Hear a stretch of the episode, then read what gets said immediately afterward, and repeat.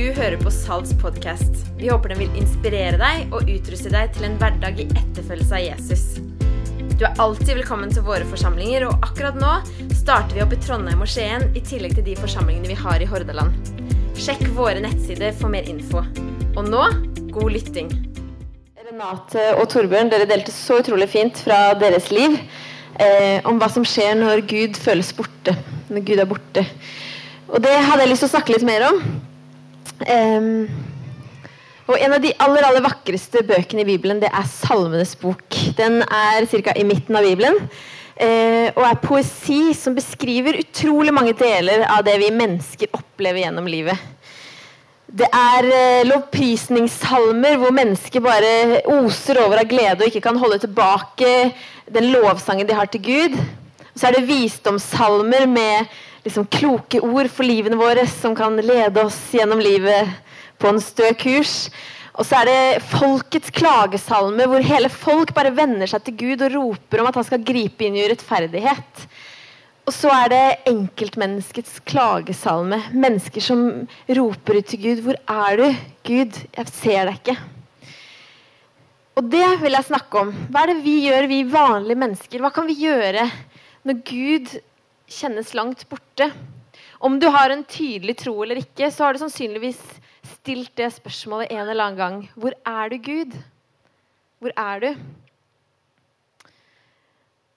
Så det skal jeg snakke om. Men så tenker du kanskje hva i all verden har en sann tittel på en preken å gjøre i en kirke som har som hovedbudskap å si at Gud er kommet nær? Det er jo det vi tror på. Det er derfor vi samles her på Riks hver eneste søndag. Fordi Gud har kommet nær. Og det er selve grunnlaget i min tro. At Gud har kommet nær. Det er den største oppdagelsen i mitt liv som kristen når jeg forsto at Gud ikke er langt borte, distansert og uengasjert. Han er nær, kjærlig og har en hensikt for mitt liv. Derfor elsker jeg karismatiske menigheter hvor man faktisk tør å ha ord og musikk, og hvor man faktisk tør å stå opp og kanskje rekke en hånd i været fordi man er så takknemlig til Gud og glad for at han har kommet nær. Men det er at Gud av og til kjennes som han er langt borte, jeg skal snakke om nå. For når vi leser gjennom salmene, så er det en av de opplevelsene som folk som har skrevet salmene, beskriver at han blir borte. Og det er en av opplevelsene vi mennesker møter på. Kan møte på. At han var nær, men plutselig så blir han bare borte. Stille og fjern. Eller at man kommer i en eller annen livssituasjon som til og med de som sier de ikke tror på Gud, bare roper 'Gud, hvor er du?' Ei som heter Anne Margrethe Mant Anfinsen, veldig komplisert navn. Eh, hun jobber i Misjonskirken i Norge og har skrevet en master om gudsfravær. Der står det det erfarte gudsfravær handler for henne om det underliggende nærværet av Gud i livet som blir borte, og som gjør at virkeligheten oppleves annerledes. Menneskene hun har snakket med, beskriver opplevelsen som et fravær av gode følelser. Opplevelsen at de ikke lenger kjenner seg beskytta. For noen er det knyttet til en depressiv tilstand der livet er mer fargeløst, grått og meningsløst. Jeg har hatt noen konkrete perioder i livet mitt hvor jeg har valgt bort Gud. Jeg har blitt så utrolig provosert av at Gud ikke har grepet inn der jeg syns han skulle gripe inn. At jeg liksom har sagt sånn OK, Gud, hvis du ikke kan fikse det her, så tror jeg ikke jeg gidder.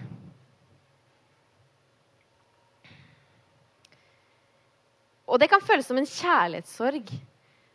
Fordi hvis du velger å bli i relasjonen, så er du kanskje bitter og sint. Men hvis du velger å gå, så er det som et grunnlag har forsvunnet.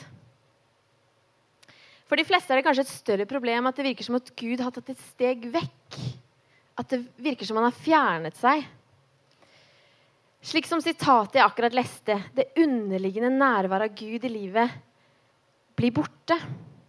Vi føler oss overlatt til oss selv. Vi finner ingen glede i de tingene som betydde masse før, som å lese i Bibelen eller be. Og vi har ikke den gode tryggheten. Og har ikke de gudsopplevelsene lenger som kanskje var så definerende for troen din før. Dagens tekst er fra Salme 22. Så hvis du har en bibel eller om du har det på telefon, så kan du gjerne slå opp. Der er det utrolig masse følelser gjennom de versene. Jeg skal ikke lese alle versene, men uh, altså, det går opp og ned, for å si det sånn. Uh, og der Det er David som har skrevet denne salmen. Gjennom salmen så dras han gjennom fortvilelse og tillit, aggresjon og lovprisning, dødsangst og håp, paranoia og trygghet. Bare hør her. Vi leser fra vers 2. Min Gud, min Gud, hvorfor har du forlatt meg? Hvorfor er du så langt borte når jeg trenger hjelp og skriker ut min nød? Min Gud, jeg roper om dagen, men du svarer ikke. Jeg roper om natten og får ikke ro. Men du er den hellige som troner over Israels lovsang. Til deg satte fedrene sin lit, de stolte på deg, og du fridde dem ut. De ropte til deg og ble reddet. De stolte på deg og ble ikke til skamme. Men jeg er en mark og ikke en mann. Spottet av mennesker, foraktet av folk. Alle som ser meg, håner meg, vrenger leppene og rister på hodet. Så nå var det veldig mange dystre fjes her, for det er dystre, det er dystre ord.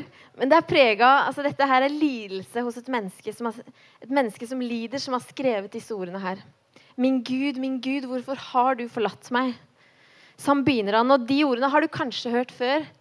For det var noen av de siste ordene Jesus sa da han hang på korset rett før han døde. Men originalen er her i Salme 22. Min Gud, min Gud, hvorfor har du forlatt meg? Vi kan gjerne snakke om et gudsforlatt sted, eller av og til leser vi avisoverskrifter hvor det står 'stedet Gud glemte', eller 'landet Gud glemte'. Men her i Salme 22 leser vi om en person som føler seg gudsforlatt. Og der har vi alle vært. Kanskje er du der akkurat nå. Og jeg skal ikke snakke om lyset i enden av tunnelen. Jeg skal snakke om lyset som følger deg for hvert skritt du tar. Om det føles sånn eller ikke. Jeg skal ikke snakke om den indre tanken som er blitt tom, som du bare må få fylt på igjen. Jeg skal snakke om at trosreisen vår er en vandring gjennom et skiftende landskap. Det er ikke alle metaforene vi bruker for livet med Gud, som funker sånn veldig bra. Det er en del ting som de metaforene ikke tar høyde for. F.eks. det her med lys i enden av tunnelen. bare sånn, ok, Det er kanskje en vanskelig periode du gjennomgår nå, men det kommer lys i enden av tunnelen. Altså, det, det, det betyr, er jo at et eller annet sted langt der framme er Gud. Du vet ikke hvor langt det er til det. Men bare klar deg alene litt til. Hold ut, så skal du komme fram til Gud. Nei, Gud er lyset som følger oss. Israelsfolket, som det står veldig mye om i Det gamle testamentet, de gikk gjennom en ørken i 40 år. Der ble de leda av Gud på ulike måter. Først og fremst gjennom Moses, som var lederen deres. Han gikk foran og fortalte dem hva de skulle gjøre, hvor de skulle bo og sånne ting. Men også direkte av Gud. Gud viste seg i en periode ved en sky. En sky som ledet dem og viste når de skulle slå leir, når de skulle gå videre, og når de skulle bryte opp. Om dagen var det en sky, om natten lyste den som en ild. Det var sikkert veldig praktisk, for det første, fordi det var ufattelig mange folk. Og det å lede en så stor mengde mennesker var sikkert lettere når det var en stor sky enn bare et lite menneske. Og for det andre så kunne alle se at Gud var der. At Gud ledet dem. Sky om dagen, lys om natten. De kunne bli utålmodige, motløse og redde, men de kunne bare se på skyen. Ja, ja, Gud er der. Han er der fortsatt. Jeg trenger ikke frykte. Når vi føler at Gud er borte fra livene våre, når vi føler oss uttørka, eller at vi ikke oppnår kontakt med han, vi kommer liksom ikke fram, så kan det føles som et åndelig mørke. Men her er kanskje en ny tanke. Hva om det ikke er slik Gud ser på det? Hva om Gud ser på dette som en vekstfase? Hva om det er noe nytt å lære, sånn som Renate beskrev? Hva om det er noe nytt å lære som bare tar litt lengre tid enn vi kunne ønske oss? Hva om Gud ser på denne tiden som en tid hvor du kan lære mer om han. Vi har en tendens til å la følelsene våre styre tankene våre. Eh, og så lar vi det som skjer på innsida, styre vår oppfattelse av det som skjer på utsiden. Og vi lar det som skjer på innsida, hjelpe oss å forstå det som skjer på utsiden. Og selv så er jeg et følelsesmenneske. Altså, Jeg strigråt når Simba mista pappaen sin i 'Løvenes konge'. Jeg gråt mange ganger i løpet av La La Land.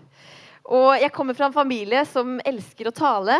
Særlig altså enhver anledning er en mulighet til en tale. Og man må gjerne gråte underveis. Det gjør ingenting. Så tårene renner fra man liksom reiser seg opp. og ja. Eh, det er utrolig fint, da, for jeg har jo lært at tårer ikke er farlig. Um, og jeg har også lært at følelser gir oss viktig informasjon. De forteller oss hva vi setter pris på, hva vi er redde for, og når vi føler oss ensomme.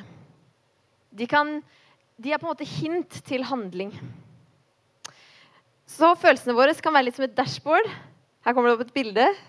Dette er ikke reklame for Audi. Men jeg tenkte det var bedre med Audi enn eh, det neste bildet. For det blir litt sånn eh, Porsche. Altså, jeg har ikke en Tesla, for å si det sånn. Men eh, ja. Begge to er, er i hvert fall dashboard. Og de forklarer oss om tingenes tilstand. Altså Det er lys som blinker, eller det piper, eller noe viser seg som forteller oss at noe må gjøres, eller at alt er i orden. Eh, eller kanskje at du har glemt å ta på bilbeltet. Hvis du mangler bensin, så må du sjekke hvor langt det er til neste bensinstasjon.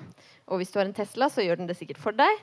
Eh, hvis, du, hvis liksom lyset for olje lyser, da må du ikke kjøre videre. Da må du stoppe. Men hvis du mangler spylevæske, så kan du selvfølgelig kjøre litt lenger. Det er ikke så farlig. Særlig ikke hvis du bor i Bergen, for da spyler det seg selv. Um, men problemet vårt er at hjernen vår ikke alltid er så flink til å liksom um, tolke informasjonen som vi får inn, som kommer fra følelsene våre. Så når vi er f.eks. Eh, i et, en ubehagelig samtale med sjefen eller en kollega eller en venn eller en kjæreste, eh, så, og det blir liksom ubehagelig, så kanskje følelsene bare roper sånn 'Krise! Nå må du løpe! Ikke bli her lenger!' Eller når vi har dumma oss ut og gjort noe teit, så forteller følelsene våre sånn De bare viser avsky mot oss og bare forteller oss at nå har du dumma deg ut igjen. Nå ser alle hvor teit du er. Men så kan det jo hende at de rundt deg bare egentlig trekker på skuldrene og ikke tenker noe mer på det. Og fortsetter med dagen sin. Følelser forteller deg nemlig ikke hele historien. De forteller ikke den objektive sannheten om hva som foregår. De forteller deg sannheten om hvordan du opplever det. Og det er en veldig viktig forskjell. Følelsene forteller deg alt om din opplevelse, men stemmer ikke alltid med det som faktisk skjer. Så det følelsen gjør, er å fortelle oss hvordan vi opplever noe. Derfor prøver jeg, jeg prøver i hvert fall alltid å stoppe opp altså Dette er et veldig godt tips hvis du sliter med Ja, jeg vet ikke.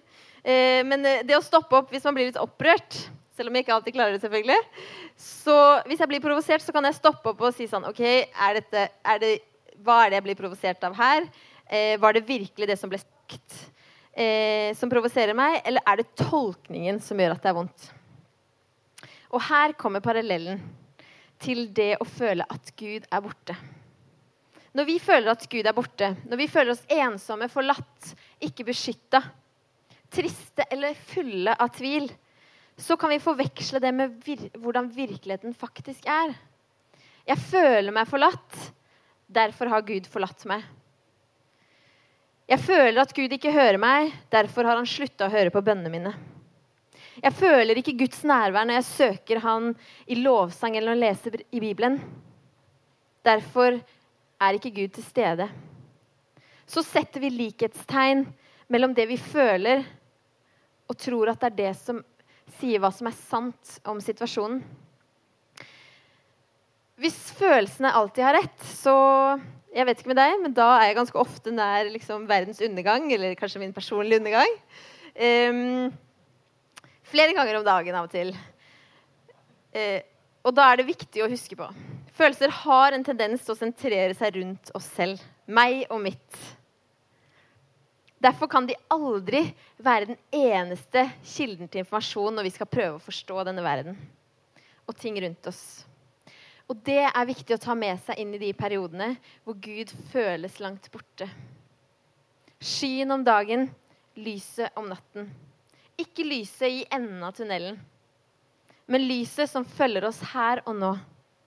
Fordi fravær betyr ikke at ingenting skjer. Over flere år var jeg med i styret for Tennåse, som er en stor ungdomsfestival, eh, en kristen ungdomsfestival på sommeren. Og i et av planleggingsårene der, altså da brukte vi veldig mye tid på å be til Gud, og, og liksom at vi skulle få et bibelord eller et bilde eller et eller annet som skulle være eh, at vi kunne planlegge tema og taler og sånt for året som kom. Og så var det ett år som jeg bare følte at Gud var helt stille. Og jeg forsto ingenting vi ba sammen og søkte Gud, og sånn, og jeg hørte liksom ingenting. Jeg, synes, jeg, bare tenkte på alle andre ting. Og så kom jeg over en bok som het 'Wasteland'.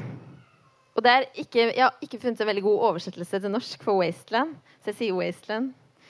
'Encountering God in the Desert', å møte Gud i ørkenen.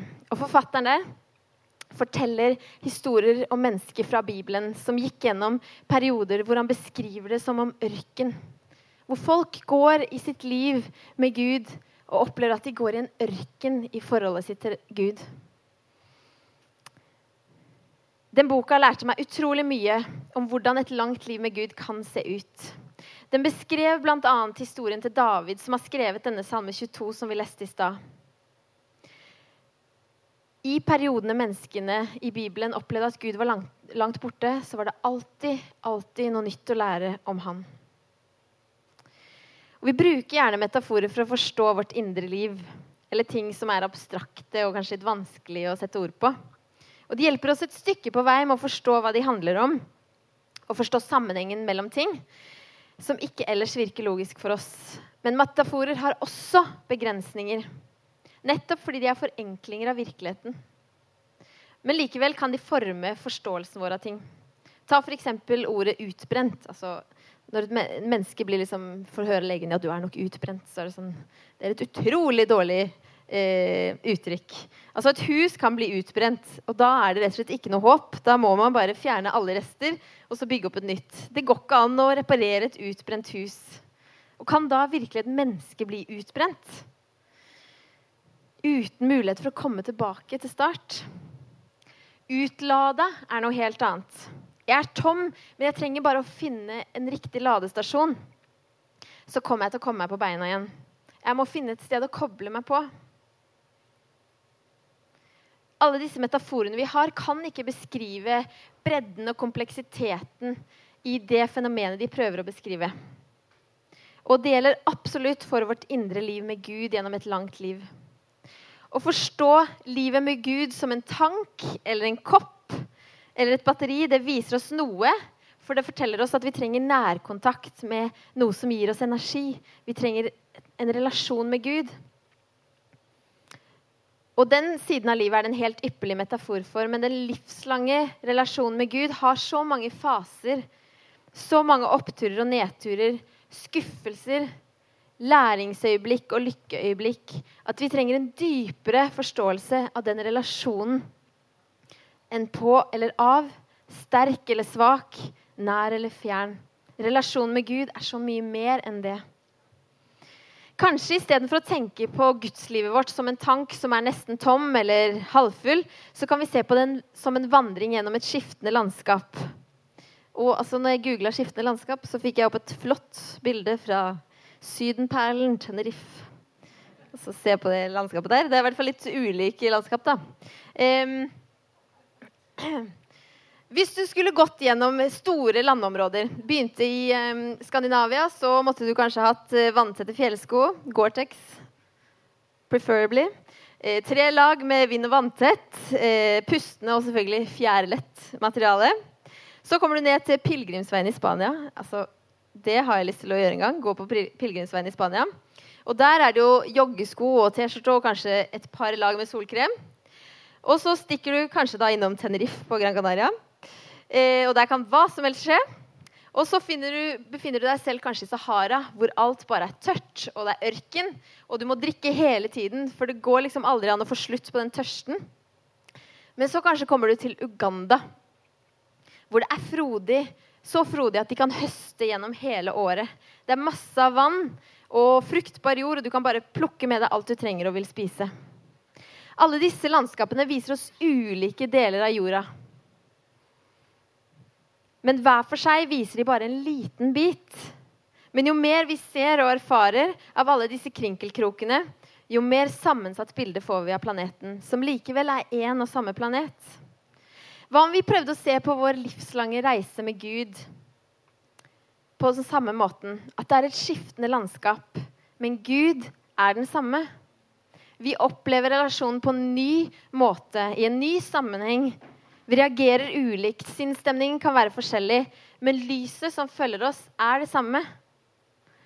Hvis vi går tilbake til masteroppgaven til denne Mant Anfinsen, så skriver hun dette her. Det har nærmest slått meg i bakken hvor overveldende Gud er. I møte med folks troshistorier og erfaringer av Guds fravær er det mulig å se hvordan han arbeider sier hun. Når hun møter noen i dag som opplever at Gud er borte, tenker hun umiddelbart Hvilken spennende prosess er dette? Hva skal du erfare nå? Gjennom en slik opplevelse ligger en invitasjon og en mulighet til å oppleve Gud på en ny og sannere måte, sier hun. Hun sier også at på samme måte som erfaringen av Guds nærvær hjelper oss å forstå mer av hvem Gud er, så kan fraværserfaringene endre gudsbildet vårt, så det blir dypere og mer ekte. Uansett hva vi føler, så er Gud den samme. Følelsene kan skifte, omstendene kan skifte. Men la oss i dystre tider og perioder med tvil stille oss disse her spørsmålene. Hvilken spennende prosess er dette? Hva skal jeg erfare nå? Sånn ble det også for meg da jeg leste denne boka 'Wasteland'. Jeg forsto at Gud ikke er avhengig av mine følelser og opplevelser. Han er den samme. Perioden av livet der Gud føles langt vekke eller borte, er ikke perioder hvor han er borte. Men de kan være perioder som lærer oss noe. Kanskje nettopp dette at våre følelser ikke bestemmer over Gud. At hans nærvær ikke på noen måte er avhengig av mine følelser. Når vi leder lovsang, så kan dette her bli utrolig tydelig. Og Bjørnar, som er leder for lovsangen i Salt, fortalte meg en historie om at han og en gjeng hadde vært og spilt på Skjærgård, som er en annen stor ungdomsfestival. De spilte på en lovsangskveld som er en sånn flott uh, fjellkirke. Det er inni en sånn naturlig runding, så det blir bare utrolig god stemning der ofte. Og så spilte de da midt på natta, og så bare opplevde bandet at det, var, det, gikk helt elendig. Alt gikk dårlig, og de klarte ikke å lede noen i det hele tatt, opplevde de. De bare følte sånn OK, Gud, du kunne faktisk stilt litt mer opp. Her har vi kjørt helt fra Bergen til Sørlandet og liksom rigga opp alt det her. Hvor var du? Og så, et par uker seinere, så er det en i bandet som kommer over en blogg til en gutt som var på det møtet. Og denne gutten beskriver den kvelden hvordan den var for han. For denne gutten han var dypt deprimert og, og så ikke noen grunn til å leve.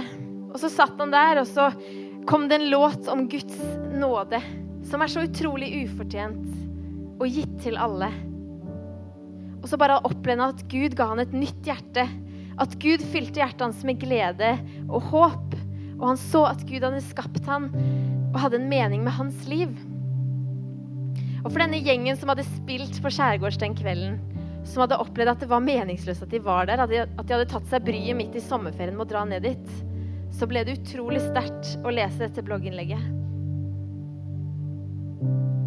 Når vi opplever at Gud er fjern, så kan vi likevel våge å stole på Han. Og på det Bibelen som er hans det, På det Bibelen sier. Bibelen er full av løfter om at Gud alltid er med. Om at Guds ord alltid gjør noe med oss. Det står faktisk i Jesaja 55, 11, så står det at Guds ord vender ikke tomt tilbake, men gjør det Gud vil, og fullfører det han har sendt ordet ut til. Vi kan alltid gå til Bibelen og lese hva Gud har sagt. Disse løftene er sanne, uavhengig av hva vi føler. Og i Salme 22 Davids klagesalme, så fortsetter han å minne om hva Gud har gjort, og beskrive sannheter om Gud. I vers 25 og 27 så står det For han har ikke foraktet den som er hjelpeløs, og ikke vendt ryggen til den som lider. Han skjulte ikke ansiktet, men hørte da han ropte om hjelp. De hjelpeløse skal spise og bli mette. De som søker Herren, skal love Han. Må deres hjerter alltid leve. Så hva gjør vi da når, Guds, når Gud føles borte? Jo, vi kan fortsette å søke Han. Vi kan velge å tro, tross tvil og tross følelser. Vi kan søke etter hva Han ønsker å lære oss i denne perioden. Det å oppleve at Gud er borte, er en helt vanlig menneskelig følelse. Og en mulighet til å søke Gud med ny lengsel. Hvis vi bare alle reiser oss, så vil jeg invitere deg til å virkelig våge å søke Gud hvis du er i en sånn periode hvor du bare ikke kjenner at Gud er der. Hvis vi alle lukker øynene, så har jeg lyst til å invitere deg som føler at Gud bare ikke er her, så kan du få rekke opp en hånd i været, og så skal vi be sammen.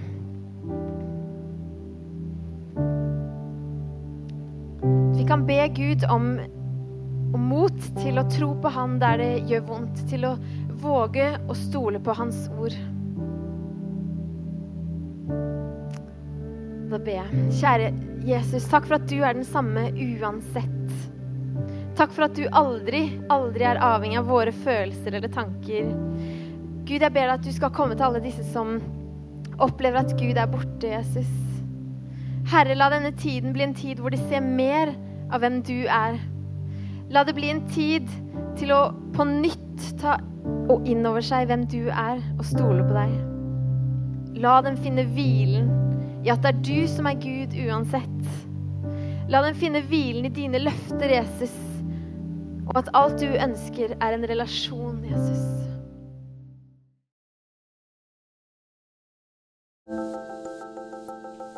Takk for at du lyttet til podkasten til Salt. For å høre flere, besøk oss på saltbergen.no.